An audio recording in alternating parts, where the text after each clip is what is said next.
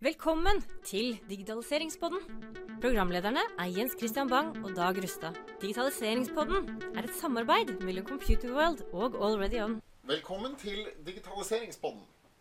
Som vanlig eh, Dag Rustad og Jens Christian Bang i studio Hei. med en eh, foreløpig hemmelig gjest.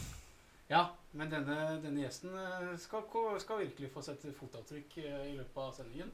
Det Skal er få, skal få sagt noen ord. Ja, det er, det, er, det er jeg ikke redd for. Det pleier vel ikke å være noe problem uansett. På å si, det er bare å vippse en femtiøring, og, så- og så går det av seg selv. Ja. Man vipser femtere- Man putter ikke på en femtiøring lenger, man vippser en femtiøring.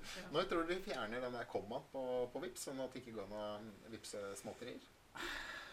Det har jeg ikke noe formening om, men det, det kommer sikkert. Norsk, Norsk Foreldreforening vil at det skal være komma. Sånn eh, Det er sikkert en faggruppe som holder på, på disse kommaene. Ja, en egen, ut, egen utdannelse. Ja. Men eh, hva har du funnet på i det siste? Har du gjort noe eh, som er relatert til digitalisering? Ja, eller i hvert fall en parallell. Da. Jeg syns det var ganske litt, litt lærerikt. Jeg var, på, jeg var på en sånn konferanse med Crayon nede på Vulkan i Oslo. Mm. Og der var det en øh, Jeg hadde ikke hørt om dem før, men de var fantastisk morsomme. Det var fire jenter som har vært med på sånt um, havro-race. Så de, de har rett og slett uh, rodd over Atlanterhavet. Det er langt. Startet fra, startet fra Kanariøyene og så over til Sør-Amerika. De har satt norsk rekord. De slo den norske rekorden som det var menn som hadde satt den tidligere rekorden. Disse damene slo dem sønder og sammen. Hvor lang tid brukte det? Jeg tror det var eh, rundt 30 dager, hvis jeg ikke husker helt feil. Det vil jeg ikke bli arrestert på. Men, men, men de var da i åpent hav.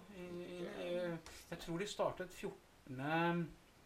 14. desember og var tilbake igjen 16. Jeg, jeg tror det var noe der, altså. Ja. De som seiler over, da, bare sånn for sammenligning, tror de bruker mellom 12-13 eh, dager til, ja, til Ja. 21 dager, noe rundt der.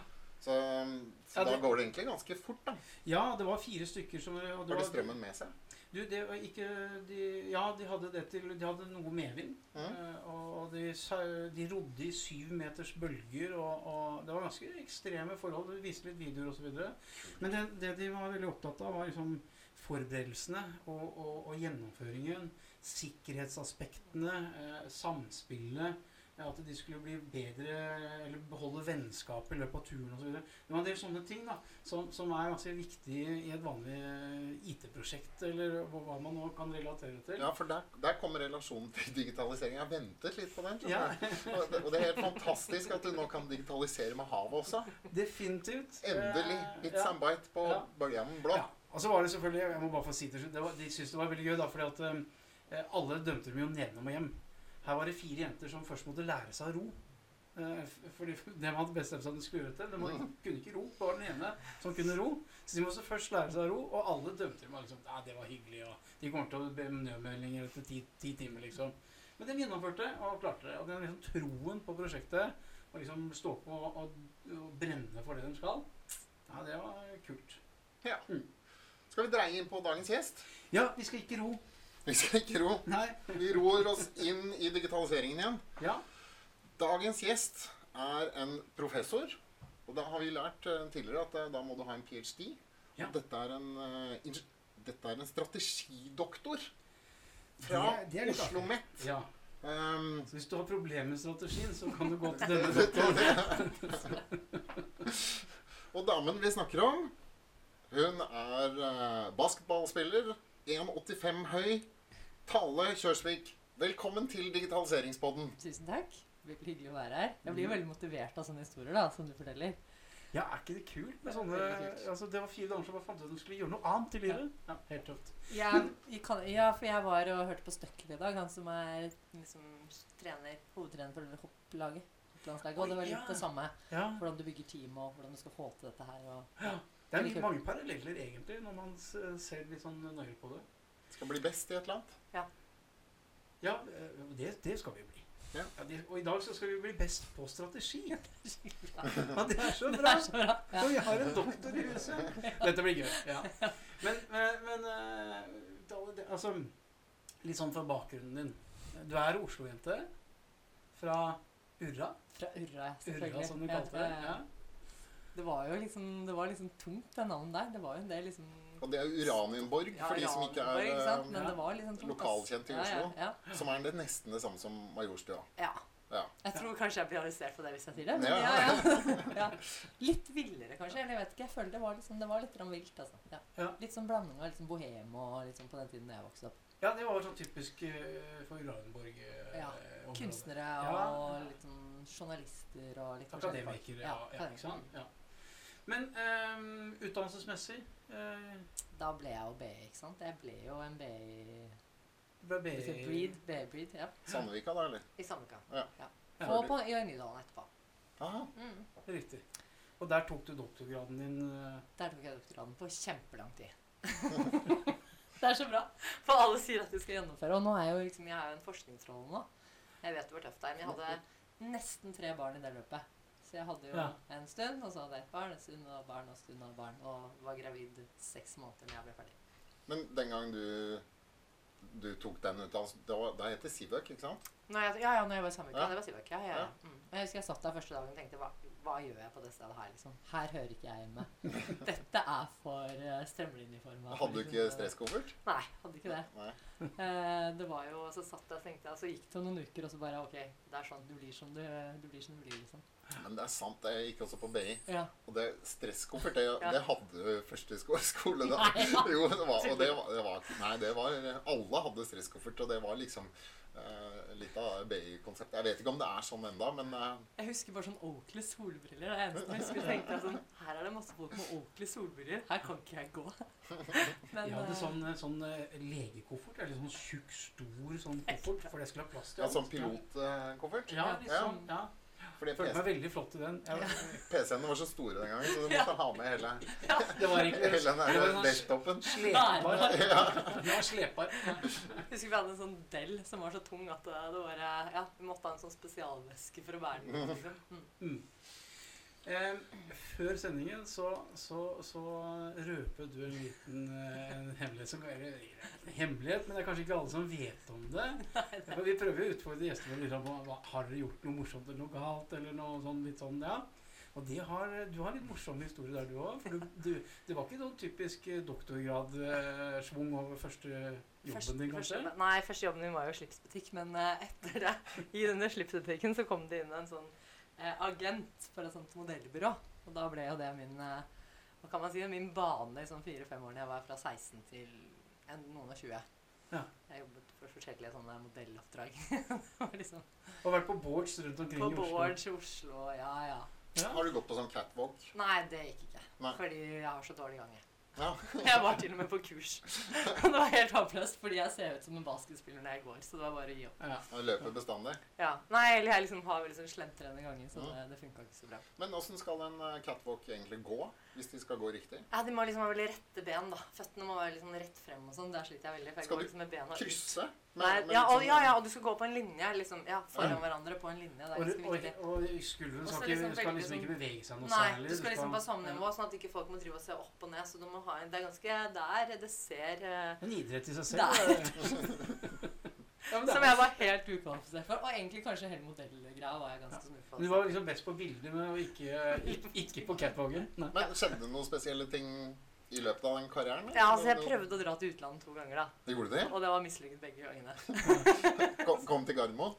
Altså Første gangen så var det det at eh, basketballen møtte modellkarrieren veldig. fordi siste trening før jeg skulle dra, så fikk jeg blått øye. Ah, så det er ikke sånn superkult å komme til et sånt eh, modellbyrå og liksom få sjansen til å se med blått øye. Og så hadde jeg også vært med på en sånn hårkampanje, så jeg hadde gult hår. så når jeg kom inn, så sier de And who are you? Bare, det var i dag jeg skulle komme. Ja, og andre gangen var jeg litt for gammel, for det da liksom eh, ja. Man, Nå drar man veldig tidlig, tror jeg. Sånn 14-15-16. Og Det er såpass tidlig. Ja. Eller mange gjør det. Ja. Så da var jeg liksom ute i 20-årene, og da var det litt seint. Men det var gøye opplevelser. Vi var, vi var i Paris, og jeg var i London, og bare for gøy, liksom. Men det liker Ja. Men du, hvis vi drar oss litt inn på mm, digitaliseringens uh, vei igjen Så du er jo leder nå for Ingeniørfakultetet på Oslo OsloMet. Det er jeg. Ganske er Ganske nylig ganske leder. nylig, ja. Fortell litt om stillingen og om Oslo OsloMet. OsloMet. OsloMet er det kuleste universitetet vi har, og det er det guleste universitetet vi har. Um, så Hvor Oslo- ligger den? Det ligger midt i Oslo, så vi er et veldig urbant universitet. Det er en annen ting vi er veldig opptatt av. Um, vi er en sammenslåing av veldig mange forskjellige høyskoler. Eller det har vært en lang sammenslåingshistorie som uh, sluttet egentlig med Høgskolen Oslo og Akershus. Så har vi blitt Oslo OsloMet etterpå. Eh, så nå har vi Vi har jo 20 000 studenter, 2300 ansatte, så vi er en ganske svær organisasjon. Wow. Det, ja. Så det er eh, Vi har lærerutdanning, sykepleierutdanning, ingeniørutdanning. Og i vårt fakultet, som også er litt viktig at det ikke bare er ingeniører, vi har produktdesign og estetiske fag i samme fakultet. Så det er et veldig kult fakultet å være med og få lov til å tenke rundt forskning. For det er det jeg jobber med. Jeg jobber da med som forskningsprodekan ved det fakultetet. Men dere konkurrerer litt da med NTNU, da? For de er veldig ingeniørorientert, eller? De er veldig ingeniører, men vi er, liksom, det er jo forskjellige steder man er og sånn. Så, og vi har ikke så mange mastergrader som de har. Men på grunnutdanning på ingeniørutdanning så er det typisk konkurranse med NTNU. Men vi ønsker jo kanskje å bygge opp å være et litt annerledes type universitet, da. Vil ønske er det mer praktisk, eller mer mer anvendt universitet. Ja. Og et digitalt universitet. Ja, hva betyr det? Altså, der vi har store satsinger på digitalisering på Oslo OsloMet. Og vi jobber med alle Vi møter internt alle de utfordringene man har i digitalisering. med vi skal få liksom, eh, autonome fagfolk til å ta i bruk digitale løsninger i undervisning f.eks., som er noe som er veldig nært for folk som jobber som underviser og forsker. Eh, så det er en ganske stor omordningsprosess. Og det driver vi og prøver å jobbe med. Uh, Mm. Men der møter vi masse endringsutfordringer som vi også er opptatt av ellers. Vi har kjørt lederutvikling for uh, liksom toppledens på og jo- jobber også nå med det på neste nivå internt hos oss. da. Så det er veldig interessant og morsomt også. For det er jo litt spennende, det tenker jeg. Jeg har også fått sånne spørsmål i og med at jeg jobber i et teknologiselskap. Ja, men dere har jo svaret på digitalisering, for det er jo Ja. dere som skal lære oss digitalisering. Mm. Eh, Og samme er det vel litt sånn med liksom høyskole eller Oslo OsloMet, da. At eh, dere skal jo lære opp nye studenter til å kunne ta dette. Men det er jo, vi er jo midt oppe i en, i en eh, digitalisering selv. Ja, Og hvordan, og hvordan er det på Oslo OsloMet? Hvordan oppleves det? Ja, så Man må jo komme hele veien ned. Det er akkurat som hvilken som helst annen organisasjon. Du må på en måte hele veien ned til de som faktisk møter studentene. da, Og, Mm. og, og, og, og kjenne det budskapet og skjønne hva det er for noe. Det er jeg ganske opptatt av. at jeg for, Fortsatt så tenker mange på digitalisering som en eller annen teknologi, at vi får en eller annen løsning, men de ser ikke at det handler om hvordan studentene opplever å være student. Mm. Hvordan er det du gjennomfører undervisning? Hvor mye læringsutbytte får du? Hvor aktiv er undervisningen din? Sånn at, i hvert fall for meg Når jeg tenker på digitalisering, så handler det om det der verdiskapende aktiviteten du klarer å få til for studentene. Og i tillegg å forstå hvilke verktøy som faktisk kan hjelpe deg å gjøre det. Å forstå det for en som ikke er innenfor det feltet, er egentlig ganske vanskelig. Mm. Å klare å kartlegge. Så jeg har utviklet et, eh, sånn lede, et etter- og videreutdanningsemne for ledere som heter Digital transformasjon og ledelse. Og i den prosessen så jobbet vi mye med å finne ut hvordan skal vi forelese det her for at det skal bli kult. Og det å prøve å kartlegge hva er det vi har på sånne digitale læringsverktøy som vi kan ta inn i undervisningen og bruke med de plattformene som vi allerede har der, det er ikke bare lett. Nei, Så det er en, liksom, det er en sånn Det er avhengig av lærere som er villige til å, å, å en, være i en endring. Ikke sant? Og tilpasse seg ny teknologi hele tiden. Som skal være relevant for unge studenter. Ja, og det, det som er kult nå, så det vi diskuterte mye, så har vi kjørt dette programmet for toppledelsen. Altså hvem skal være neste? Og da har de valgt de som vil, da. Istedenfor å ta liksom neste ledernivå, så er det, kommer det mange folk som er opptatt av det her og har lyst til å jobbe med det. For jeg tror griper du tak i de, og får de lov til å løpe litt og utvikle ting, så lærer andre og ser du, det er dødskult det de driver med. Hvordan kan ja, vi for gjøre det? ikke sant? Du sa jo det, hvordan gjøre dette kult. Ja. Men eh, for oss som er i, i den bransjen, så er Ja. jo digitalisering er by Kult. default kult. Ja, Eh, Men så møter men du folk som verden er kanskje ikke sånn. Nei, du møter folk som syns det er liksom noe av det verste som har skjedd. Ja. Eh, og de har utrolig mye motstand, og da tenker jeg at i hvert fall for meg så er motstand det er litt sånn det begrepet vet vi at hører til endring. ikke sant? Det er motstand der, men hvordan kan vi komme forbi det og skape motivasjon istedenfor å fokusere på at vi bare har motstand hele tiden? Så komme forbi det og begynne å få til at vi flytter motstanden fra om til motivasjon til å gjøre et eller annet. da. Mm. Så det er litt sånn, Der er jeg litt sånn ikke endringsledelse, mer sånn transformativ ledelse. Hvordan skape visjoner, motivasjon, initiativer, og så se hva det kan bli, og være villig til å teste ut ting. Og så er det en pilotsyke rundt omkring i mange offentlige organisasjoner. De driver og tester alt mulig, og så klarer de ikke å få det inn i kjernevirksomheten. Så det er liksom Nei. neste problemet. Men tror du at alle kan motiveres, eller er det noen som må være noen som alltid ramler utenfor? Altså, Ja, jeg har hørt om den tredelingen. altså Ja, Den ene delen som er toppmotiverte og har lyst til, ja. og så er det de som uh, Du som, kan vippe de. Ja, de som ikke får det helt til, til og så er det de som ikke vil. Ja.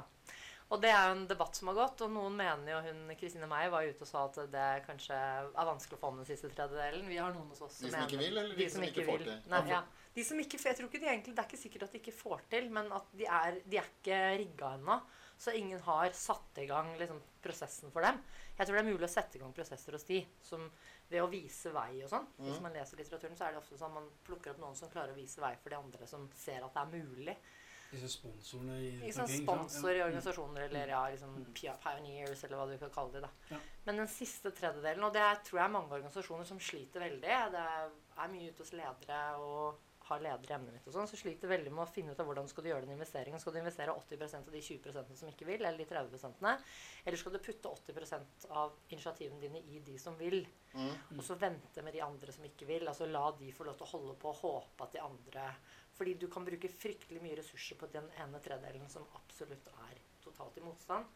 Men så er det vanskelig å vite organisasjoner hvor mye impact de har. For du vet, har du et dårlig eple i en gruppe av ti personer, så kan jo de ødelegge et helt initiativ. Ja. Så det tror jeg for mange ledere er ganske vanskelig å bestemme seg for, egentlig. Men det snakkes jo mye om også klasseskille innenfor digitalisering. Altså Ja. De som ikke greier å være med på løpet, Ja. altså de som ikke greier å bruke en mobiltelefon, eller, de blir på en måte litt ja, handikappet, egentlig. Ja. Og det, da kan vi jo gå litt over til det, eh, noe andre vi kanskje snakker litt eh, om etter hvert, i forhold til spesielt kanskje utviklingsland og sånn, men jeg tror vi egentlig har det samme her. Og for meg så, så tenker jeg at det, det handler om kompetanse på noen ting. Men hvis vi ser på en ting Jeg vet ikke om noen har vært og snakka om det før, men Difi har utvikla syv lederkompetanser sånn inn i offentlig sektor knytta til digitalisering. Den som går på sånn eh, digital Holdning. modenhet. Nei, det er ikke modenhet. Men det, det er liksom knytta til holdninger, prøve og feile, evne å ha visjoner. Det er en del sånne ting. Ja. Og de fleste, men de fleste av de tingene handler om holdninger. Så det er en av de tingene til at jeg er en del ute og prater om dette. For at jeg syns det er utrolig viktig at vi får en endring, altså en holdningsendring til hva fenomenet digitalisering er for noe. Så er det en kompetansebit at du må klare å gjøre. Men hvis du har den riktige holdningen, så får du til det. Hvis du ikke har den riktige holdningen, så er det veldig vanskelig å få til den kompetansebiten. Men hvem er det vi snakker om med holdning da? Er det toppledelsen, eller er det de som ikke vil, eller er det må- hele organisasjonen? du må jo rundt på mange nivåer, og det er det jeg møter av de 60 studentene jeg har hatt i det emnet mitt, så er det det som er problemet. Mange ganger. Så du kan sitte og regne på den tekniske løsningen og sånn, men når du kommer i møte med folkene, så kan til, folka, så kan til og med de enkleste løsningene bringe store organisatoriske problemer og menneskelige problemer, fordi folk er vant til å gjøre ting på en måte, f.eks. Mm. Eh, og, så, jeg, så jeg tenker at de holdningene, og hvis vi ser på litteraturen igjen da, så må det måtte komme ovenfra. Du kan ikke, jeg, jeg tror ikke noe på å tvinge gjennom. Altså, Mm. noen, det er liksom pisk og gulrot snakker man ofte om i digitalisering. Og du må kanskje noe pisk, til, og du må stenge ned noen løsninger og stenge ned noen alternativer og sånn som man ikke får lov til. Mm. Men jeg tror du må, du må få opp motivasjonen, for det er da du klarer å få holdningsendring og få folk til å ha lyst. Og da må de skjønne verdien av det. Mm. Så det er jeg veldig opptatt av at eh, liksom, digitalisering uten verdiskaping, det er helt Hvis ikke det gir noe verdi for organisasjonen, og egentlig for enkeltindividet også, du må vise den funksjonen at det kan gi dem noe. Og da kan det være et tap for dem først, og de går liksom ned i kurva først, men de må skjønne at det kommer til å bli noen effekter etterpå. Hva med å Eh. bruke, bruke gamification? Det Ja. skulle, var, har jo på en måte vært Ja, ja. snakket om i flere år at det skulle være Ja, og det, ikke sant? Det, tror jeg, da kan du, det som jeg tenker at gamification gjør, er akkurat at det kanskje tar bort den dippen. Så at det er faktisk gøy også når du lærer det. Ja. Så du må ikke ned så dypt i det hullet og sitte aleine og holde på å prøve å finne ut av sånn. Eh, Kan du, kan du si, bare si hva gamification er, Nei. for de som ikke vet det? jeg tenker at det er å gjøre ting om til at du spiller det. Så du leker med det og prøver å lage sånn lekeløsninger av noe. Mm. Eh, Premieringer? premieringer. Eh, at, at det er en, og du kanskje interagerer med andre til og med. At man kan gjøre det sammen på en eller annen måte. Og det syns jeg har vært gøy å se nå, for det er mange som driver og jobber også med det at de lager analoge spill Mm. knytta til f.eks. digital transformasjon. Så det er ikke, bare, trenger ikke å være eh, bare digitalt. Det er en annen ting som jeg bare altså når, du- Nå er du ute av de 50 årene. Da får du hele Det er en annen ting som er veldig opptatt av i digitalisering. At noen tror Jeg at det kan handler om be om penger på Vipps over. Ja, Du du kan kan det. Ja, ja. Hvis du kan ta til det. Nei, nei, nei, nå er du, nå har du putta. Eh, nei, men det der med at Jeg må fortelle om det spillet. det, Nei, det Noen Altså, jeg har ikke jeg, jeg hus, Det må jeg bare si, det husker jeg ikke akkurat, men jeg var akkurat i dialog med en som hadde lagd noe som er eh, Ja, nå husker jeg hva det var for noe. Jeg sendte Christian Rangen, som jobber med startuper. Hvor de driver og spiller endringsspill. De hadde tre forskjellige versjoner av et sånt analogt spill som de spiller med ledergruppen. Litt sånn som Ludo, liksom? eller? Ja, det er på en måte ludo. Men mm. vi har andre versjoner òg. Vi har hatt et spill som de har brukt oppe i, i Bergen på ingeniørutdanningen, hvor de spiller ehm, rundt hvordan du har liksom, økonomien i bedriften din, kapital, tilgang til kapital, ja, likviditet. Sånn. Så tenke på mange forskjellige områder, ikke bare digitale løsninger, syns jeg er litt fascinerende. Og det var det jeg ville si at For meg så handler ikke digitalisering om at vi skal flytte alt fysisk over til digitalt. Det handler, og det handler ikke om hvor du skal posisjonere deg mellom digital og fysisk. Mm. Det handler om hvordan du kan gjøre det bedre fysisk når du bruker de gode digitale løsningene. Mm. Som et eksempel, da, hvis vi skal drive undervisning, eh, så er det ikke sånn at jeg skal bytte ut alt jeg gjør eh, fysisk med en digital løsning.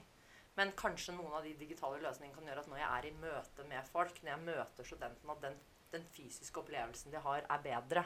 Så at du lager, istedenfor å velge, så lager du liksom den dimensjonen lengre. Sånn at du kan benytte deg av flere virkemidler da, inn i hva enn det gjør. Og det syns jeg man ser i musikkindustrien også. Folk vil gå på konsert ennå, selv om de ikke kjøper plate. Eller de vil ha en fysisk opplevelse. Det tror jeg det er marked for fortsatt. Ja. Men vi vi er tilbake det, eh, i forhold til eh, dette med, eh, altså dette med å endre seg. Ja. Eh, vi hadde en tidligere gjest, eh, Tore Bjelland, som nevnte liksom, at det var noen faser i endring. Mm. Eh, og, og det syns jeg du var litt innom i forhold til at det, først så var det denne benektelsesfasen. At Mm. det, det gjelder ikke oss Mm. eller meg. Mm. Og så er du inne i den liksom politiske fasen Mm. hvor du sier ja, men vi har en sånn IT-avdeling, Mm. vi har, an- og vi ansetter masse folk der. altså. Mm. Så vi har kontroll på denne her, uh, digitaliseringen. Men egentlig så trenerer du. Men egentlig så trenerer du. Mm, mm. eh, og det er først når du går over tredje fase, hvor du står opp om morgenen og brenner for det. Mm. Og at du liksom Yes, i dag gleder jeg meg til å gå på jobb, for i dag skal jeg endre noe. Ja. Og den derre der å liksom komme over den, den derre du-fasen, Mm. det er vel kanskje det som er avgjørende, vil jeg tro, når du er ute og snakker om eh, endring og strategier, ikke sant? Mm. At det, Ja, jeg er veldig opptatt av det. Jeg kan godt hende at det er fase, men jeg tror også organisasjonene på en måte har forskjellig ryggradsrespons på det. Ja. Eh, sånn at det å tro at man skal putte digitalisering inn i en egen avdeling, det er jo ikke spesielt hensiktsmessig. Og det er det en del som gjør. De prøver å eksternalisere det litt ved en digital direktør f.eks., som egentlig blir litt vinklippa, men som settes opp i en sånn der Nå har vi ansatt en digital direktør, så nå fikser liksom ta det problemet og løpe med det. Mm. Det er da, da er du liksom feil av gårde. Du må tenke på hva du skal skape. Hvem er det du, Først må du finne ut av, det er det mange organisasjoner som ikke har veldig klart bilde for, hvem er det du skaper verdi for? Liksom, hvem er det den verdiskapingen driver? Og mer og mer nå så er ikke det bare brukerne dine eller kundene dine. Det er masse andre ting, for folk er opptatt av det større bildet av hva organisasjonen gjør. ikke sant?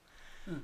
Når du har funnet ut det, da kan du begynne å tenke det er ikke sikkert det er en digital løsning, men hva er den beste løsningen for å møte det behovet som er der ute til den kunden? Og da må du på tvers. Da kan du ikke drive med det en, i en IT-avdeling. Det har implikasjon for hele verdiskapings...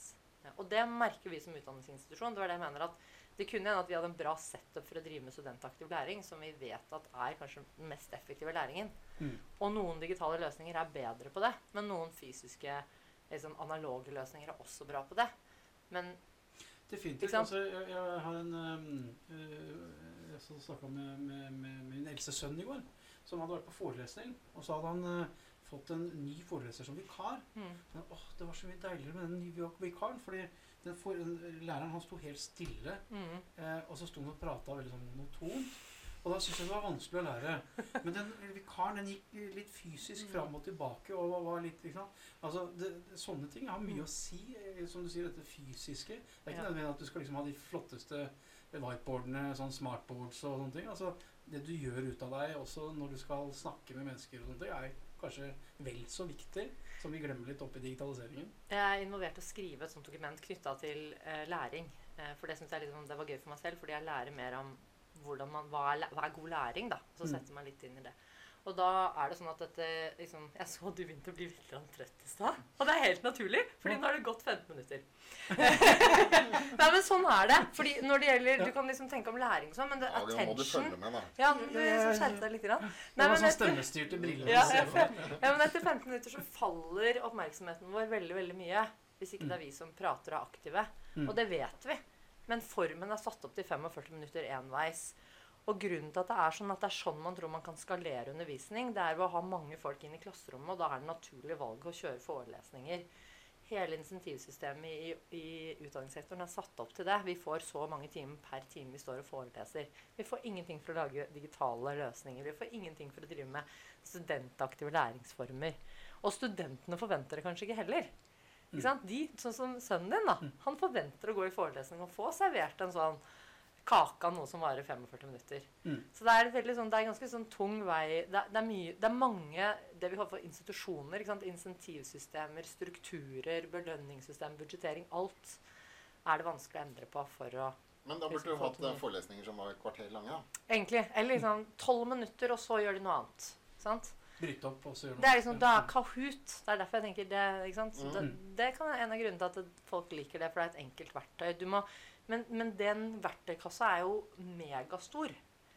Men det å få en kartlegging og forståelse av hva den inneholder, det er jo ikke så lett. Det var det jeg mente sånn i kartleggingen. Så vi er ikke, men det kommer mer og mer etter hvert. Altså Man blir bedre og bedre på å ta i bruk forskjellige typer av spill. Sant? spill altså, nå spiller vi dette spillet her i 20 minutter. Eller veksel er også bra for å få opp attention. Hva da? Veksel? Ja, altså veksle mellom forskjellige typer aktiviteter. Ah, ja. Ikke sant? Og gjøre noe som du rører litt på deg, sitter at du Men er ikke dette veldig individuelt, da? Ja. Altså, jeg, jeg vet jo at noen uh, Det sies jo om Donald Trump. Han greier ikke å holde fokus mer enn tre minutter av gangen. ikke sant? ja, og det- Men, mens andre kan jo sitte og, holde på med én sak i, i timevis. Ja. Så jeg vil jo tro at det var veldig stort spenn. Det er selvfølgelig, jeg tror helt enig at det er individuelle, individuelle forskjeller, men når de har prøvd å se på det, så ser de liksom at kurva for attention faller veldig mye ned. Men hvis du ser på nettet, så er det jo åtte sekunder.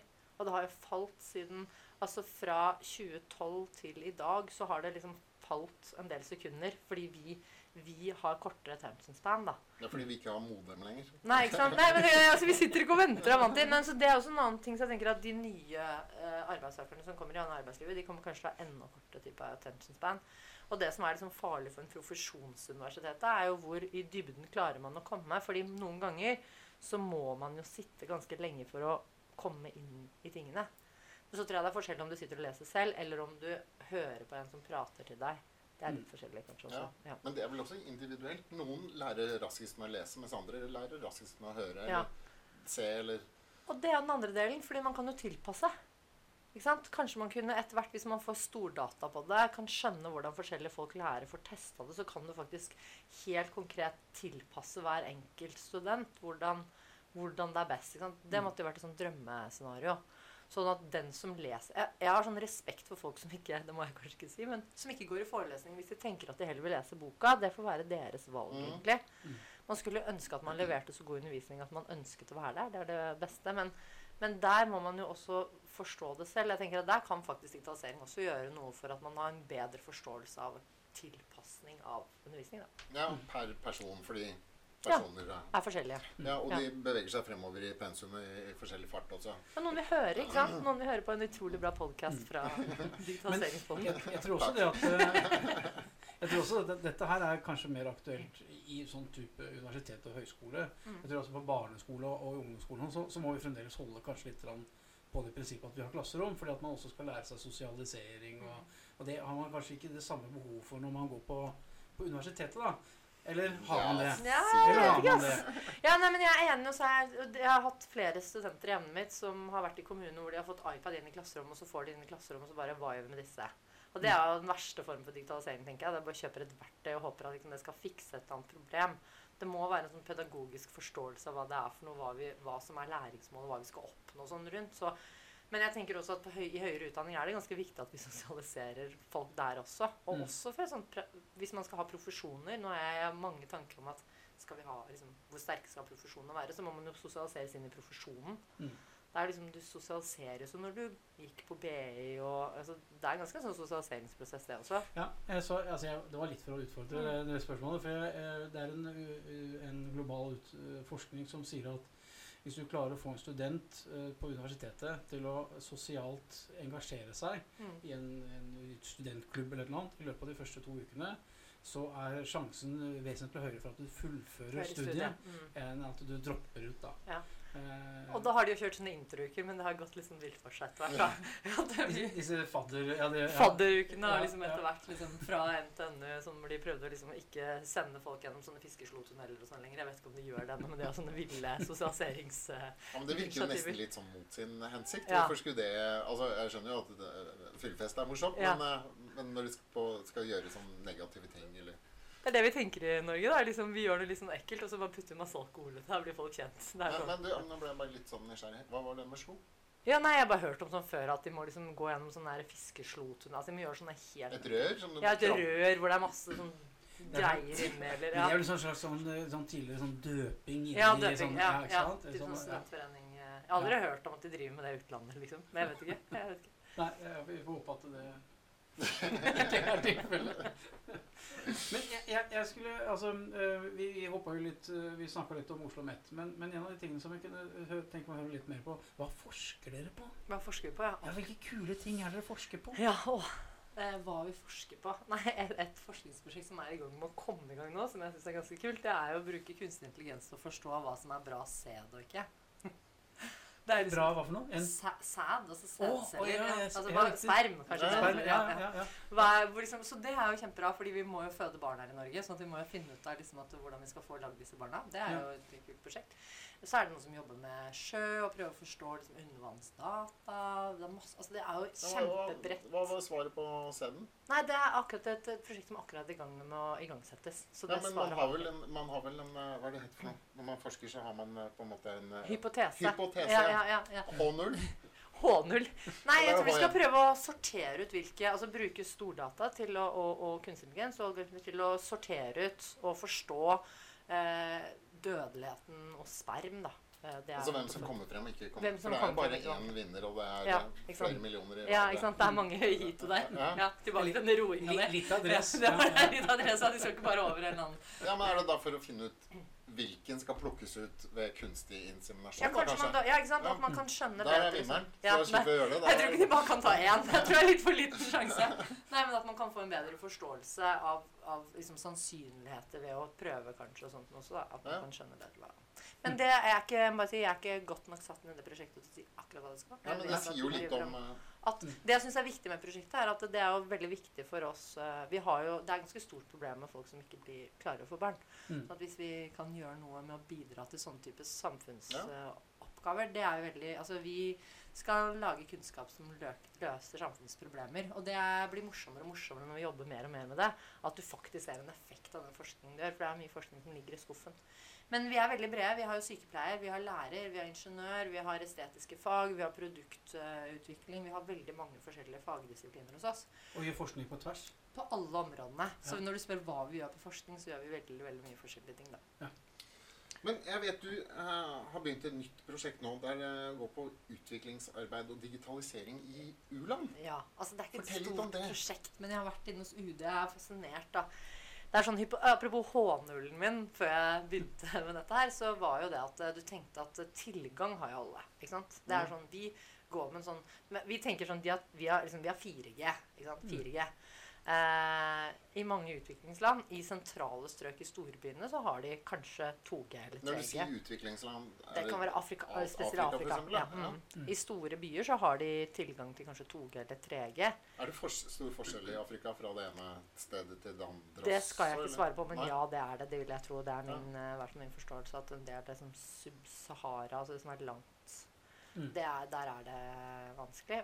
Og det er jo ofte Og det som det kommer tilbake til, er jo styresettet. fordi hvis du ikke har et skikkelig infrastruktur på strøm, så får du ikke strøm. Da kan du ikke bruke disse tingene. Og, altså, du kan ikke bruke noen mobiltelefoner eller noen ting, for det er ikke noe nettverk. Så det, er ikke, sånn, liksom. Det, er ikke, det er ikke sånn som det er hos oss, da.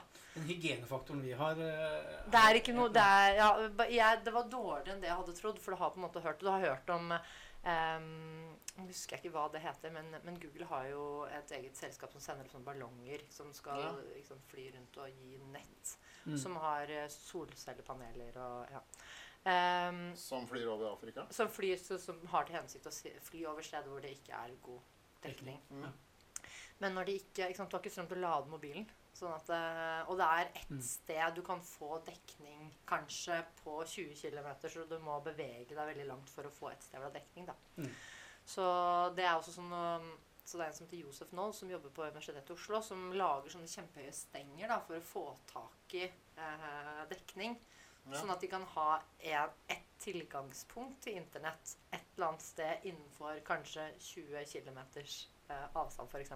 Ja. Som liksom beveger deg dit for å kunne være på nettet. Det er jo det er veldig annerledes enn det vi hadde tenkt. da. Men det som, Eller det som, jeg hadde tenkt. det som vi hører nå, er jo at det blir jo veldig vanskelig for dem å komme seg opp på et digitalt nivå Akkurat. når de ikke har tilgang til verken strøm eller internett. Nei, ikke sant? Da da kan du lese bøker om det, men det Ja, ikke sant? Det er ikke det, det samme. så man har jo håp da, ikke sant? SMS er ganske effektivt. Så jeg var i sommer Det kan jo være effektivt hvis man har noe tilgang, men det kan i hvert fall være den laveste tilgangen. Ikke Mm. sant? Mm. Heter vel E eller R. Dere vet når dere har sånn nett som dere tenker at vi kan ikke gjøre noe annet. GSM. Ja, Ja, ja. Ja. Ja, gøy, ja.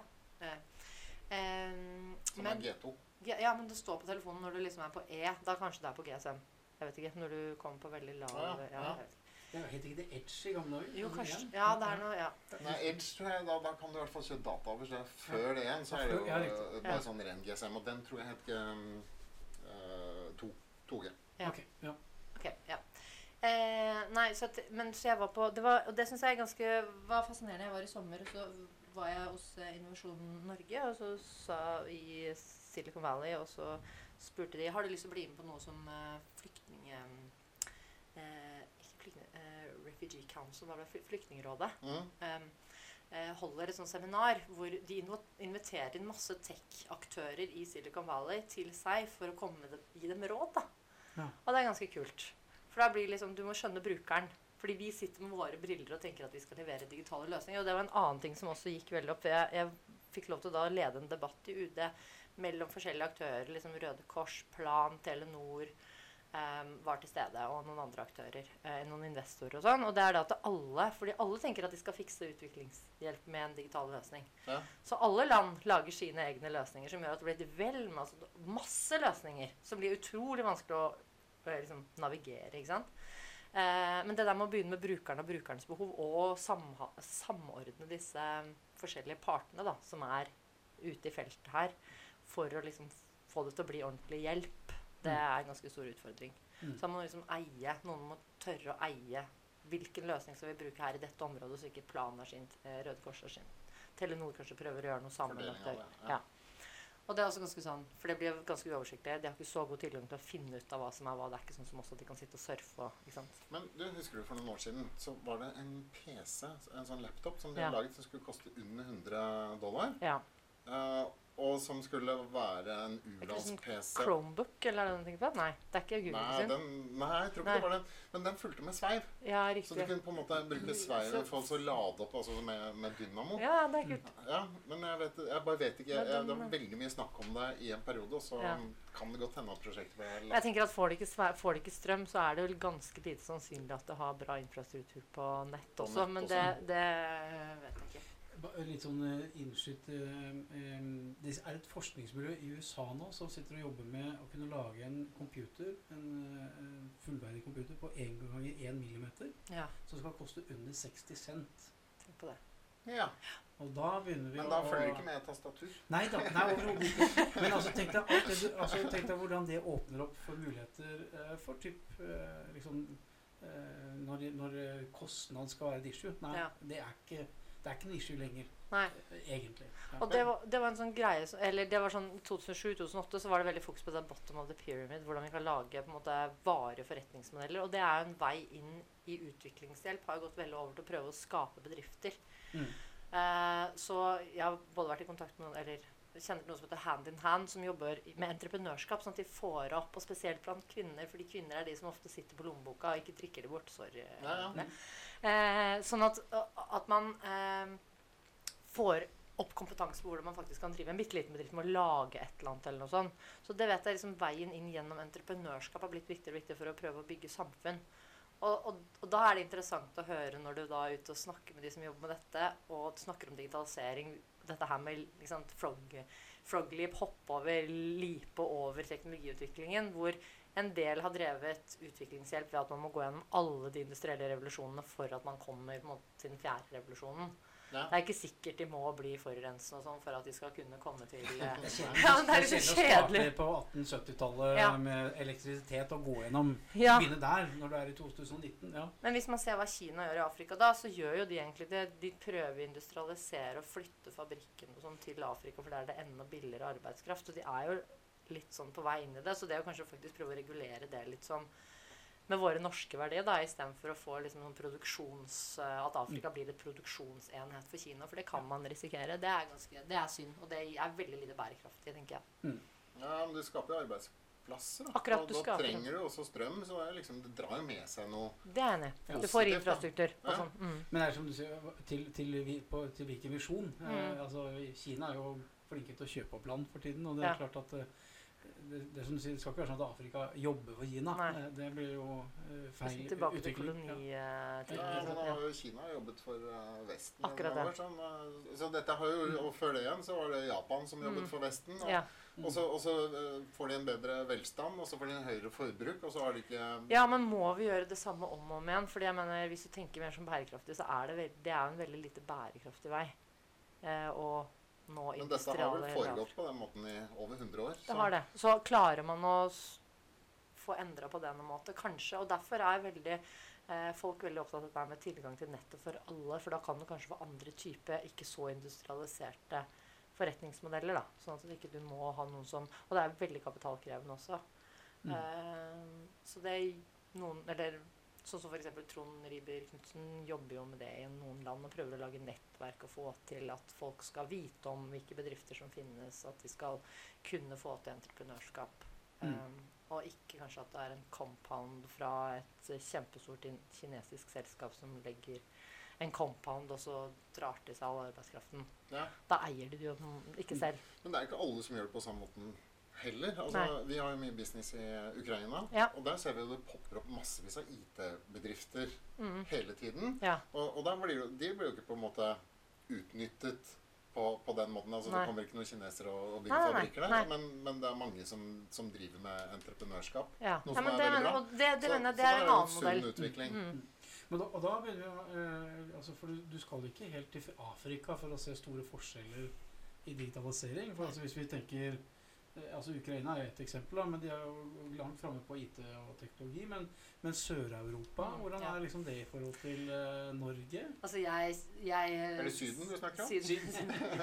Det er sikkert mange som kan masse mer om dette. Nei, men jeg reflekterer over Jeg var og holdt et innlegg nå nede i Italia, og du reflekterer jo litt over samfunnet der. Hvordan det er satt sammen. Det er jo ingen PC-er eller mobiler rundt omkring. Altså, Du ser det veldig lite. Mm. Kanskje folk. Men de er, det er helt sånn i kulturen veldig annerledes. Og de er jo, når du ser på tall og sånn også, så er de jo veldig mye mindre digitale enn oss. Eh, sånn som OECD-tallene som jeg så på, så var det sånn at 48% av liksom kompetansen og arbeidsflyten og hvordan de jobber liksom skal endres i ikke sant? Eh, men, eh, men eh, de er jo glad, da.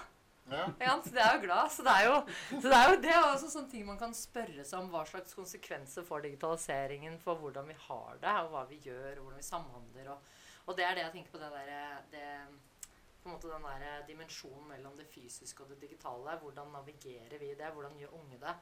Sånn som Oslo Met så har vi et sånt eh, emne som vi jobber mye med nå, som heter eh, TechFill. er liksom det populistiske navnet, men eh, teknologi og samfunn.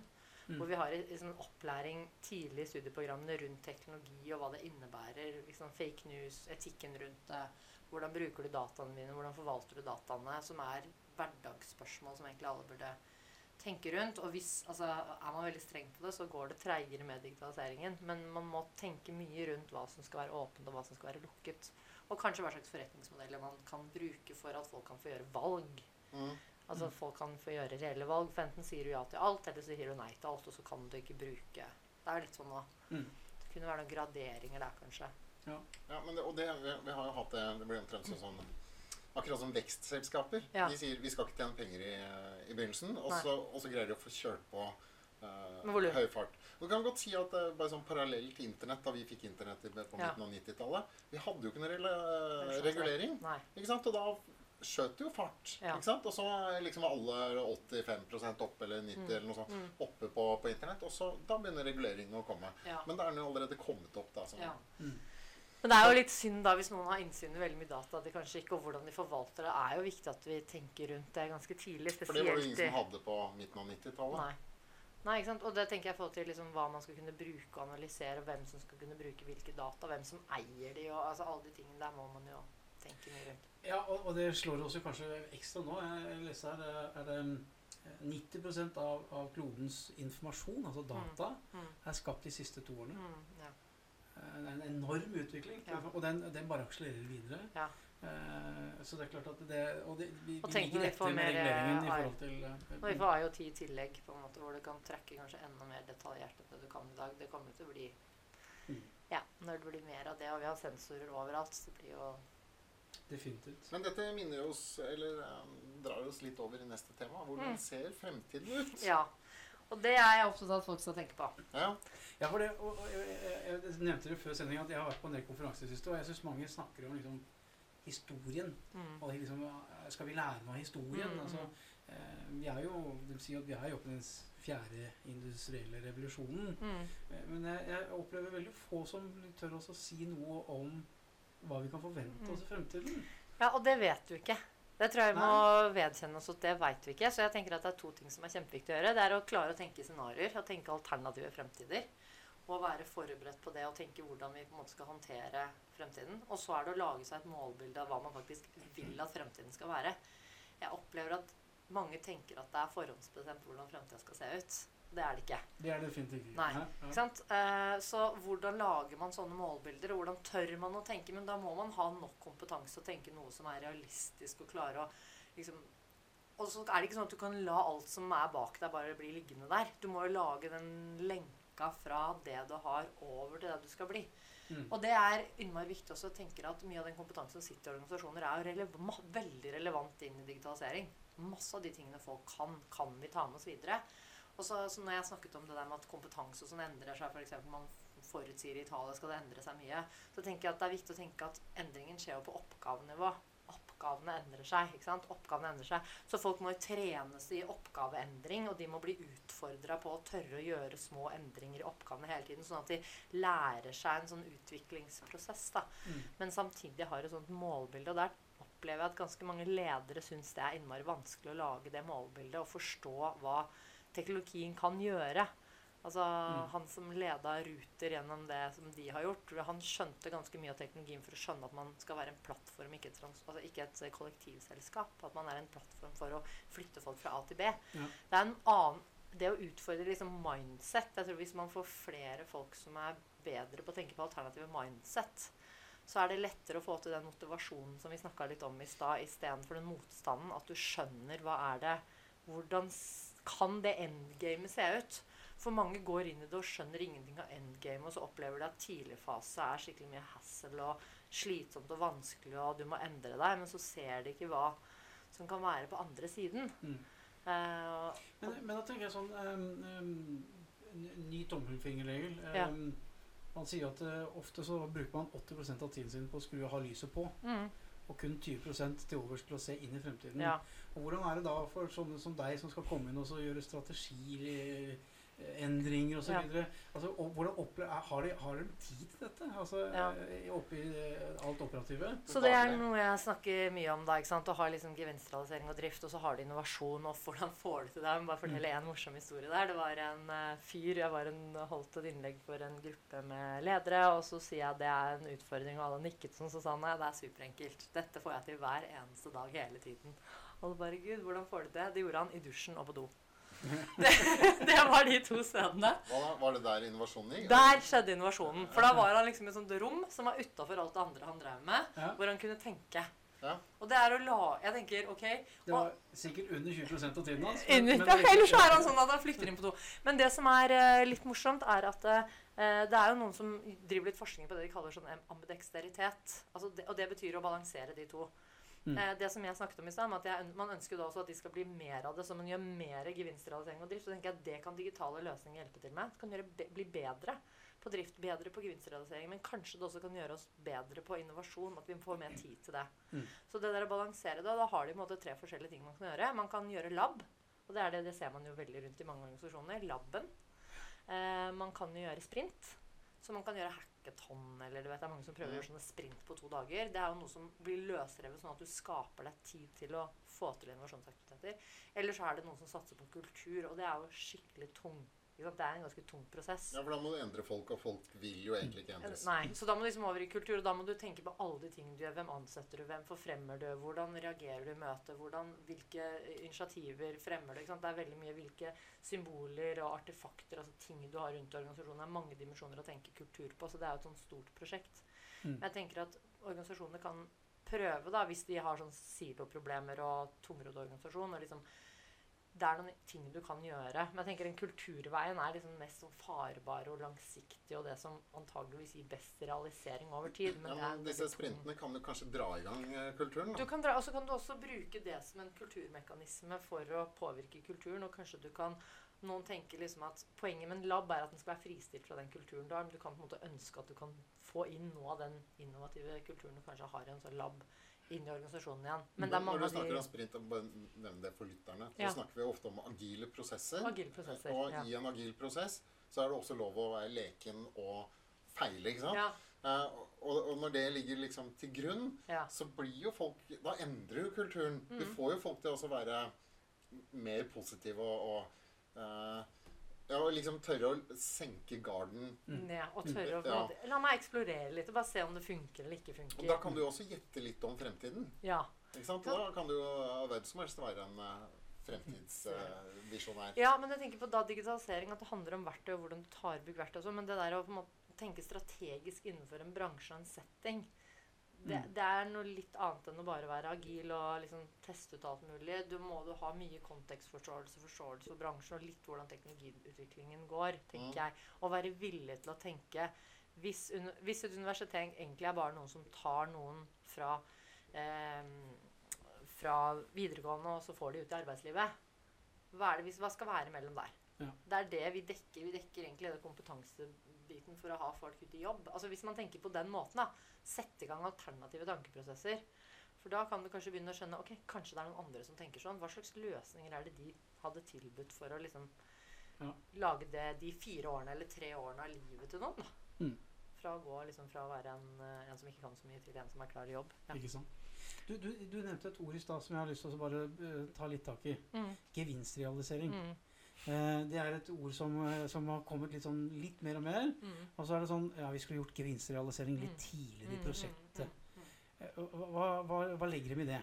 Og hva tenker er gevinstrealisering? Gevinstrealisering er et veldig stort begrep innenfor offentlig sektor. Det er det de driver med. For de har Det er i hvert fall sånn jeg tenker på det. Fordi det er ikke sånn lønnsomhetsmåling, sånn, lønnsomhetsmåling sånn som man har i privat sektor. Så man prøver å tenke hvis vi investerer et eller annet, hva får vi ut av det? Mm. Og det som har vært problemet med mange løsninger, det er det jeg tenker at eh, det viktigste kan være å ta i bruk løsningene og få ordentlig effekt av løsningene. For mange kjøper liksom én løsning, ny løsning, og så får de ikke satt seg i organisasjonen til at du faktisk får ut noe gevinst. Eller du får ikke ut noe effektivitetsforbedring eller kvalitetsforbedring. Det er jo gevinstene du kan få ut. Mm.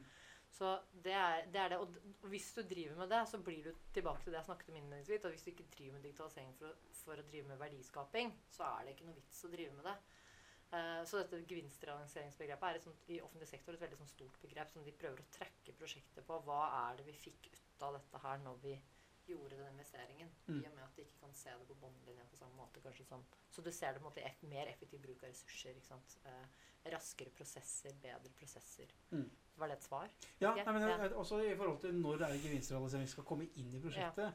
For nå, noen ganger så kommer det kanskje litt for sent inn. Mm. At man gjør det i etterkant, men at man også kan begynne med det ganske tidlig. Ja. For å sette mål for gevinstrealiseringen. Ja, altså, da tenker jeg at da har du kanskje et for svært prosjekt. hvis du må se. Det er sånn, Jeg blir veldig provosert av folk som driver hele tiden og snakker om strategi implementering. Hvis de ikke har gjort noen ting før du kommer til implementeringsfasen, da har du gjort en skikkelig dårlig strategijobb. egentlig. Mm. Du må på en måte inn veldig tidlig og vise den gevinsten. Og hvis du klarer å få til det, så er det litt sånn at da vil brukeren antageligvis ikke ha den dype dippen ned heller, ved at det tar lang tid før de ser effekter av å ta i bruk Ikke noe. sant? Den why. Altså, hvor- Why, hvorfor why, ja, ikke sant? Mm. Why. Og det tenker jeg det er why.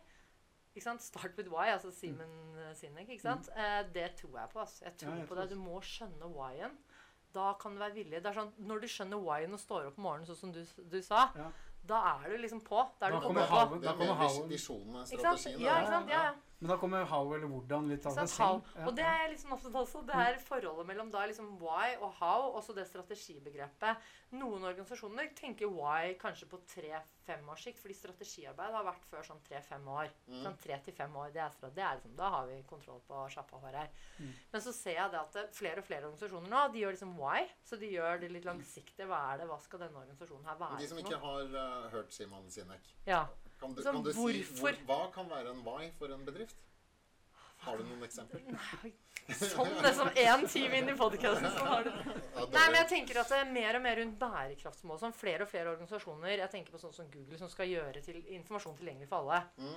Det er liksom en why. Hvorfor gjør vi dette her? Mm. Derfor gjør vi det fordi vi ønsker å gjøre Ok, så skal Don't vi tjene evil. Ikke Men det er kanskje ikke noe why. Jeg vet ikke, jo, ja. Men jeg, der må organisasjonen Og Så tenker jeg sånn veldig tilbake til Jeg vet at Disney hadde sånn make, 'Making People Happy'.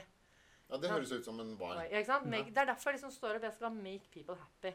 Så jeg tenker når du har det, så er det jo lettere Så har du det, og så har du noe så har du noe what med en gang. Mm. Så det er et tre til fem års sikt.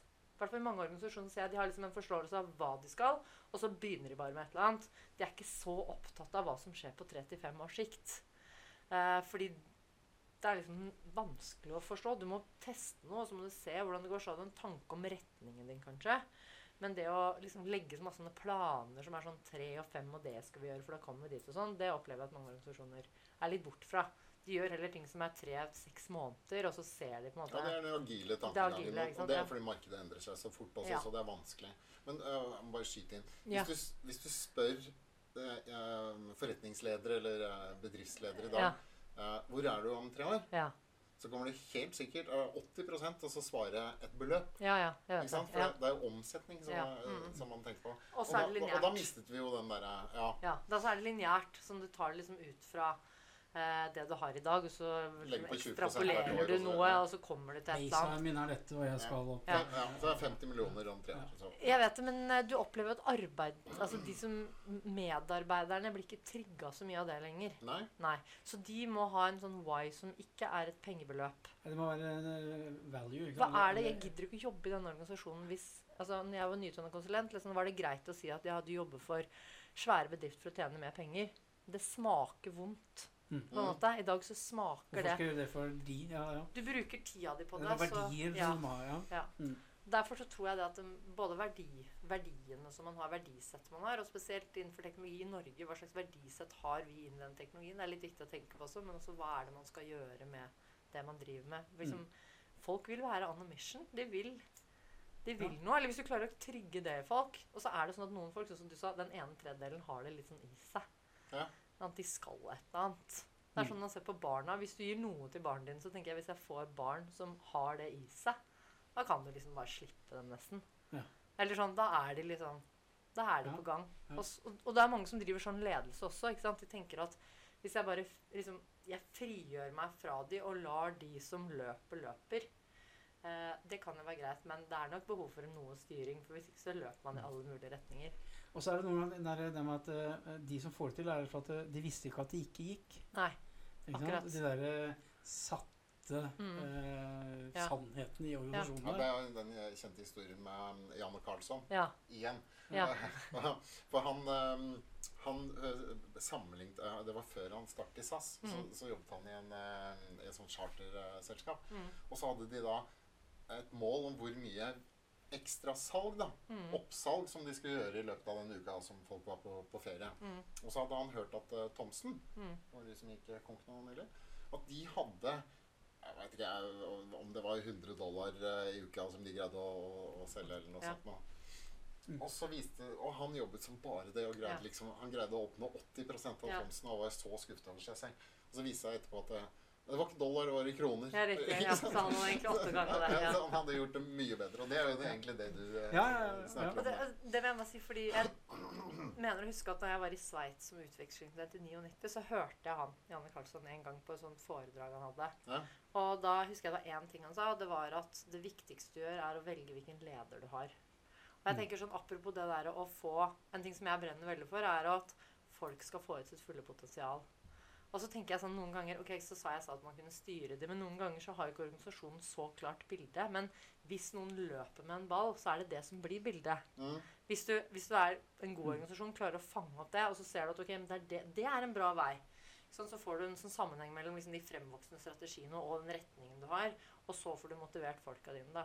Men Så nå er det må- mange som snakker om at den lederrollen på en måte forsvinner litt. For det er, det er den der gruppen som er eh, autonome, liksom. Ja. Hver enkelt. Hvordan skal du fasilitere en sånn type gruppe mennesker? Men det antar man jo da Men hvis du har en sånn type Det er ganske krevende å være leder hvis du har sånne type folk. Mm. Samtidig så har du de to andre tredjedelene. Så må du drive all mulig forskjellig type ledelse. ikke sant? Mm. Så må du liksom både ha transformativ ledelse, klare å sette det målet. Du må være flink til å coache de folka som vil Kanskje prøve å styre dem litt, grann, men la de få lov til å liksom blomstre. Og så samtidig skal du prøve å liksom piske med deg de folka som ikke Det er ikke veldig lett å være en sånn type leder. Google prøvde jo dette her og sa vel at 30% av arbeidstiden, eller var det 20 jeg husker Du gjør hva du vil. Et eller annet. Ja, så kan du gjøre hva Hva du vil. vil, ja. Men de har jo jeg har føler de, de, jeg føler de bare har den ene tredjedelen, nesten. Eller i hvert fall før har de hatt mye av den ene tredjedelen som løper. Mm. Sånn Ja, at de de rekrutterer jo De rekrutterer liksom de smarteste folka. Det er litt vanskelig å på en måte se for seg at, Gud, at man kan drive sånn type ledelse. De er ikke representative for en typisk norsk bedrift. Ikke ennå. Ikke enda. Nei, nei, nei. nei. Mm. Jeg ser at vi begynner å gå mot slutten. eh, Var det du som sa det i dag? Ja. Det var jeg som pleier å være Ja, ja, ja, mange ganger har du dippa ned under 15 minutter nå? Nå har vært nede i 15 Nei, minutter du- liksom flere ganger. Nei, jeg har vært ikke. Jeg syns dette har vært eh, Jeg syns dette har Du skal rekke et tog eller Nei, noe nei, sånt? nei, jeg bare ser på tiden at vi har, at vi har fara av gårde. Mm. Han er ikke den ene tredjedelen. Han er han der som sitter igjen og bare Nå må vi roe oss litt ned. Nei, nei, jeg skal bort og gjøre noe helt annet. Jeg. Jeg, jeg skal løpe av gårde på noe annet morsomt nå. Nei, nei det er ikke det. Jeg, jeg leser en bok nå, Ja. for den er jo veldig på, eh, innenfor dette, som heter um, Hva er det for noe? Den, er, den, den deler en folk i uh, Omgitt av idioter. ja. Ja. Mm. Takk. Hør, jeg skjønner hvorfor han tok opp den nå, ikke sant? Jeg skjønner hvorfor Nei, han det tok var opp den nå. Takk for i dag, Ja, det- ja. Det var derfor du ville gå. For du skjønte at Jeg skjønte at det kom. boka nå. Nei, men den, den handler om hvor forskjellige folk er. Da. Så du putter den inn i rød. Det er jo de som springer fremover. Og, og, og de tar beslutninger selv og på en måte er um, ikke opptatt av prestisje. Fordi det, de har, det, det affiserer dem liksom ikke. Og så er det gule. De prater med, med alle hele, hele tiden. Mm. Typiske selgere, kanskje. Eh, men som også er veldig viljesterke. Og så har du de grønne. De, Mm. og de, eh, de er mest opptatt av å please andre. Og ikke være at det ikke skal komme i noen konflikt. eh, Og, og så har du de blå. Mm. Og det er de som er veldig opptatt av, um, av detaljer og ja, at ting skal være helt perfekt. Og putte ting i struktur og alt mulig. Gode forberedelser og ja, ja. Nå vet han Jeg er brun. Vi er alltid der. Miks igjen greie. Så er du sånn brun. Men det som er så morsomt i den boken, er at forfatteren forklarer jo da all, alle de krasjene som skjer Mellom ikke sant? folk, ja. Ja, mellom folk. Altså Hvis du putter en rød en sammen med en blå en Mm. Så, så han, eh, Den blå er opptatt av strukturer, mens den røde er helt uinteressert. Det eneste han er interessert i, er fart. Mm. Den retningen. Mm. Fort fremover. Og, Og hvis ikke den blå er liksom med på det, så ja, men da bryr jeg meg ikke så mye hva du mener. For da springer jeg likevel. Og så, og så er det liksom alle de konfliktene som Vi hadde, jeg var og holdt et seminar hos Tekna hvor vi, som hadde navnet 'Hvordan snakke med sjefen med algoritmer'. mm, Og da lagde vi noen sånne sjefstyper. Og så, og så lagde vi noen sånne teknologifolktyper. da. Og det var egentlig veldig sånn samme diskusjon, veldig morsom diskusjon. liksom, Hvis du har en sånn legitimerende leder som bare gjør teknologi for å legitimere seg selv, men egentlig ikke skjønner noe av hva teknologene holder opp med. ikke sant? Men så har du en blå en som sitter nedi, liksom nedi grøten og ikke har lyst til å snakke med sjefen om hva, som, hva, hva dette egentlig kan bety ja. så får du liksom også en avvik da, i organisasjonen på forholdet mellom IT og teknologi og ledelsen. Og det var veldig morsomt hvordan de på en måte beskrev at det er greit med ledelsen, men ledelsen over ledelsen over ledelsen, ikke sant? da begynner vi å komme. Mm. Da begynner det å bli ganske store problemer, da. Men det hadde sikkert også vært kult, for det er litt sånn samme type som putter folk i båser, da. Jeg liker ikke det så veldig godt. Nei, men jeg, jeg, jeg, jeg har jobbet i et norsk selskap, skal ikke nevne navn, men hvor vi hadde en, en blå og en rød eh, Mm. leder, mm, som har begge to eh, eiere av selskapet. mm. Eh, men de klarte å finne en, en, eh, en for felles forståelse, da. Ja. Men det var veldig morsomt hvis du snakket med den ene, det er ikke her du mener? Nei, ikke, Nei, nei. ikke her. Men altså, hvis du snakket med den ene lederen, så fikk du ett svar, og så det andre svar var det helt annet. Mm. Eh, Så det, men det var en ganske morsom opplevelse. Men en liten avstikker i den boken, da. så var det Han har da en teori om at hvis folk drikker, Ja, så bytter de farge. Sånn at de gule som prater mest hele tiden i, i møter og sånn, når Ja. de får seg et par øl Så rolig ja, seg. så, ja, så går de og setter seg på trappen og tenker over livet og sånn. Men mens de, de, Sånn de sånn blå og grønne så, for han er liksom må alltid bytte farge. De knyter slipset rundt pannen og står på bordet og danser. Ja. Fargeblindhet der, altså. Jeg Ja. syns jo det er veldig rart med folk som skifter helt personlighet når de blir veldig fulle. For da tenker jeg sånn Er det sånn du egentlig er til vanlig? Og så klarer du å gå og skjule det. Som du vil. Ja, ja, ja. Jo, men det er nok, det er nok, ikke, det er nok ikke helt usannsynlig, det. Nå Men kan vi, du si det. da kan jeg si det. Vi pleier å avslutte med, et- med et spørsmål Og om vi ønsker Kristian gå også. ja. Jeg bare tenkte hva hadde det med digitalisering å gjøre? Ja, nei, det var vel med de folkene som skal digitalisere. og hvor. Vi kan bare la din mikk vi kan la din mikk stå på, vi. Altså. Det vanlige spørsmålet på slutten er Hvem ville du hørt på digitaliseringspodden? Jeg vil gjerne høre Vegard Kolbjørnsrud. Hvem er det? Vegard er utrolig kul. Han er opptatt av digitalisering. Han jobber med Han jobber, han jobber i Accenture. Han jobber også på BI. Eller han jobber på BI, men også i Accenture, så han har lang konsulenterfaring. Ja. Og så er han opptatt av hvordan kunstig intelligens påvirker ledelse, bl.a. Han er Ja. opptatt av nye typer av organisasjonsformer. Masse kul kompetanse. Og er så syns jeg det hadde vært kult hvis eh, Nikolai Astrup kunne komme til dere. Ja, Og få han eh, litt i dialog og prate sånn. Det hadde vært Se om vi eh, kan invitere han, da. Ja. Ja. det har vært morsomt, det også. Begge to hørtes ut som veldig bra kandidater. Mm.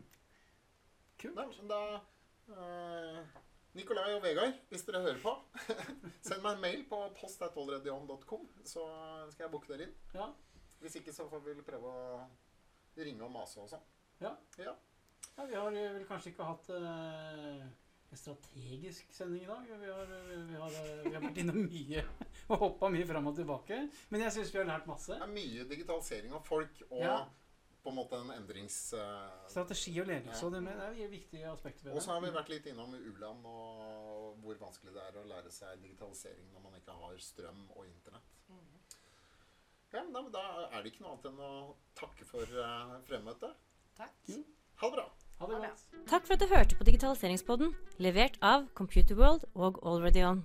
Du kan kontakte Digitaliseringspodden gjennom Computerworld på cw.no eller AlreadyOn på alreadyon.com. Abonner på oss i iTunes eller din podkast-app, og legg gjerne igjen en tilbakemelding i appen.